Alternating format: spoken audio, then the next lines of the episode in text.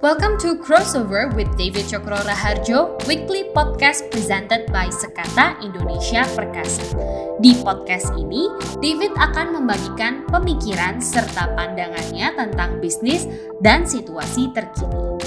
Jika setelah mendengarkan episode kali ini kamu ingin bertanya kepada David, kamu bisa mengirimkan pertanyaan kamu ke website kami di sipinstitute.com slash sipinstitute.com slash askdt. Itu saja, mari kita dengarkan Crossover with David Cokro Raharjo.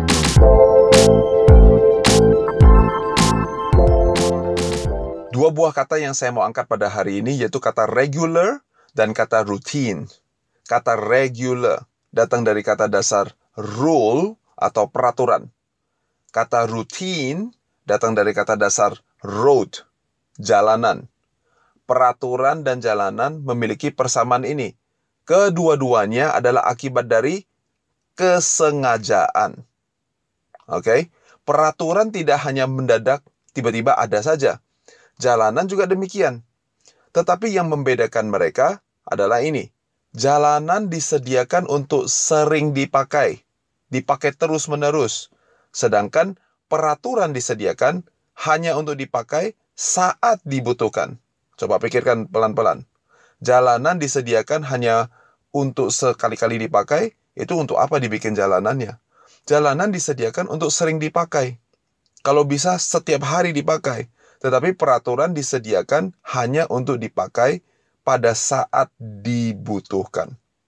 Yang kedua, jalanan disediakan supaya bisa dipakai oleh saya dan orang lain tetapi biasanya jalanan disediakan untuk kepentingan publik. Tetapi peraturan itu memang juga bisa dipakai oleh saya dan untuk orang lain, tetapi peraturan seharusnya pertama-tama bisa dipakai oleh saya terlebih dahulu, baru kemudian dipakai oleh publik. Mudah-mudahan ini membantu ya. Nah, mari kita bawa konteks ini ke dalam kehidupan pribadi kita masing-masing. Apakah kamu dengan sengaja sudah membuat aturan dan jalanan buat kehidupan kamu secara pribadi. Kalau kamu tidak secara sengaja bikin aturan, maka kamu bisa dipastikan hidup dengan aturan yang ditetapkan oleh orang lain atau aturan yang tidak tertulis. Jadi walaupun kamu tidak secara sengaja bikin aturan, kamu sebetulnya hidup dengan aturan tertentu. Karena dicontohkan dari orang lain. Di rumah tangga tertentu, menaikkan suara teriak-teriak itu adalah aturan yang tidak tertulis untuk menunjukkan keseriusan daripada orang tua. Sehingga anak-anaknya di rumah sangat mengetahuinya. Aturannya nggak ditulis, nggak dikomunikasikan, tetapi adalah sesuatu yang regular di rumah itu. Kalau ngomong sekali, suaranya masih rendah, anak-anak merasa adalah, oh si ayah itu pasti cuma masih main-main, nggak serius. Tapi begitu ayahnya teriak, anak-anaknya semuanya tahu bahwa adalah ini serius nih. Nah, itu regular di rumah itu. Bayangkan nanti untuk anak-anaknya. Satu hari mereka juga akan meningkatkan suara mereka untuk menunjukkan keseriusan mereka. Tapi kalau ngomongnya dengan tenang, itu berarti tidak serius. Nah, ini namanya aturan yang tidak tertulis. Nah, pemimpin yang dewasa membuat aturan supaya dia sendiri bisa diatur juga. Dengan cara demikian, menjadi sebuah sesuatu yang regular untuk melihat sebagai contohnya seorang pemimpin membangun orang-orang yang ada di sekitarnya karena ada aturannya. Contoh lain, setiap bulan mungkin dia melakukan city hall meeting di mana di luar hanya memberi update kepada seluruh karyawan tentang pertumbuhan dari perusahaan, dia mulai terlebih dahulu dengan memberikan apresiasi kepada karyawan-karyawan yang perform. Kalau ini dilakukan sekali, dua kali, tiga kali karena mengikuti aturan main daripada City Hall meeting itu, maka lama-kelamaan justru menjadi aneh kalau tidak ada mengapresiasi orang-orang di dalam kantor itu. Kenapa? Karena irregular, karena gak normal. Yang regular, yang ngikutin rule-nya, yaitu adalah apa? Dimulai dulu dengan memberikan apresiasi. Nah, kalau sudah dilakukan sedemikian seringnya sampai rasanya aneh kalau tidak melakukannya, di titik ini aturan ini sudah jadi regular yang bertransformasi menjadi sebuah cara, sebuah gaya, atau dalam bahasa Inggrisnya kita menggunakan kata way atau kata jalanan. Biasanya orang-orang ngomongnya begini, this is the way we do it here. Nah, this is the way, yaitu adalah jalanan cara yang kita lakukan, itu adalah sesuatu yang no, bukan hanya normal, tapi yang sering dipakai semua orang mau melakukannya. Jadi, sesuatu yang tadinya gak normal menjadi normal, dan menjadi sebuah cara, menjadi sebuah jalanan, menjadi sebuah way, road. Nah, kata road ini nih, kata dasar membuat kata rutin, rutinitas. Oke? Okay? Nah, di dalam rutinitas inilah segala sesuatu menjadi otomatis atau autopilot. Semua ini bisa dicapai kalau aturannya dengan sengaja ditetapkan. Tadi kita udah bilang bahwa uh, definisi daripada regular itu berhubungan dengan kata rule. Jadi rule-nya yang penting dimulai dengan peraturan, rule, tetapi untuk bisa ditetapkan atau diterapkan, berarti saya, sekali lagi, saya bukan orang lain yang harus pertama-tama menghidupi aturan itu sendiri. Saya yang harus menjalankannya sedemikian seringnya, sehingga akhirnya menjadi regular buat saya secara pribadi terlebih dahulu, baru kemudian orang-orang di inner circle saya kemudian juga merasa regular untuk melakukannya. Kenapa? Karena si Davidnya juga melakukannya. Nah, dari sana baru kepada circle kedua, circle ketiga, dan satu hari menjadi sesuatu yang lebih besar. Nah, kalau kita balik prosesnya, berarti kita mulai dulu dengan bikin rutinitasnya terlebih dahulu. Kita bikin jalanannya terlebih dahulu. Coba thinking about like SOP yang baru atau memo yang baru yang kita harapkan supaya semua orang akan mengambil cara yang baru atau jalan yang baru yang kita bikin. Kenyataannya adalah banyak orang tidak melakukan atau mungkin mereka melakukan bahkan kalau kamu orang seorang yang punya karisma yang tinggi, mungkin dilakukan dengan semangat yang tinggi di awalnya, tetapi lebih sering nantinya kendor setelah beberapa waktu kemudian. Itu sebabnya banyak orang yang envy orang lain punya rutinitas.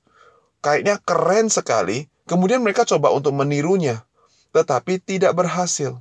Kenapa? Karena you cannot reverse engineer the process. Harus dimulai terlebih dahulu dengan regularity atau sesuatu yang normal, sesuatu yang terus-menerus sudah dilakukan terlebih dahulu. Jadi sekali lagi, jangan mulai dengan rutinitas, dengan peraturan, tapi dimulai dengan aturan. Ini kata bahasa Indonesia ini semua tulisannya aturan, tapi dimulai dengan sebuah peraturan, rule yang kamu tulis kepada diri kamu sendiri, baru nanti bisa menjadi rutin yaitu adalah aturan yang terus secara normal terus berputar berputar terus dan terjadi again and again. Nah mudah-mudahan nih penjelasan semua membantu kamu untuk menata ulang dan mengerti aturan-aturan apa yang sekarang ini kamu perlu tambahkan, yang perlu kamu buang, atau kamu perlu perbaharui. Do this right, ini akan mengacu kepada konsep corporate culture di dalam organisasi kamu. Alright, ada tiga cara yang saya mau tutup untuk menciptakan this regularity dan rutin di dalam kehidupan kamu. Nah, ini praktis pribadi saya. Yang pertama adalah selalu mulai dengan aturan yang kamu sendiri bisa lakukan. Jangan bikin aturan yang cuman untuk orang lain, tapi kamu sendiri tidak mau lakukan. Aturan yang kamu sendiri tidak bisa lakukan hanya menjadi aturan kosong yang dilakukan kalau kamu ada di situ. Kecuali kalau kamu mau jadi diktator. Oke? Okay? Aturan yang kamu bisa dan mau lakukan akan menjadi sesuatu yang regular untuk dilakukan. Kenapa? Karena monkeys see, monkeys do. Alright? Yang kedua adalah keep it simple. Kalau ada 14 aturan di organisasi kamu, hampir saya bisa pastikan nggak ada yang dijalanin.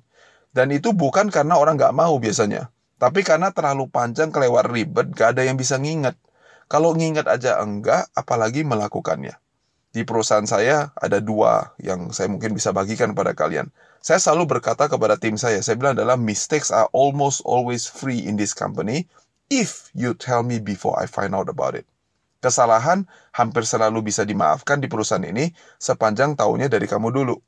Dan kedua adalah the good news and the bad news of working for me is this. There's no working hour. Kabar baik dan kabar buruk untuk bekerja buat David adalah begini. Gak ada jam kerjanya. Nah, kalau kalian perhatikan, I keep it simple, cuma ada dua poin, dan pakai bahasa yang mudah diingat dan menarik, sehingga orang-orang bisa mengingatnya. Saya kadang-kadang nanya mereka, dan mereka bisa mengulang apa yang menjadi peraturan di dalam perusahaan ini. Bahkan kadang-kadang mungkin dengan kata-kata mereka sendiri, it's okay, tapi poinnya tetap ada. Nah, bisa gak kamu klaim itu di dalam perusahaan kamu? Alright? Yang ketiga yang terakhir adalah kamu sendiri gak perfect. Jadi kalau kamu bikin salah, kamu harus bilang sorry. Ini sesuatu yang bukan sifatnya if it happen, tapi adalah when it happen. Karena kamu gak perfect, saya gak perfect. I'm gonna tell you right now, saya gak perfect dan saya pasti akan bikin kesalahan. Nah pada saat kamu bikin kesalahan, pastikan kamu minta maaf. Ini mungkin adalah hal yang tersulit yang saya harus lakukan sebagai seorang pemimpin.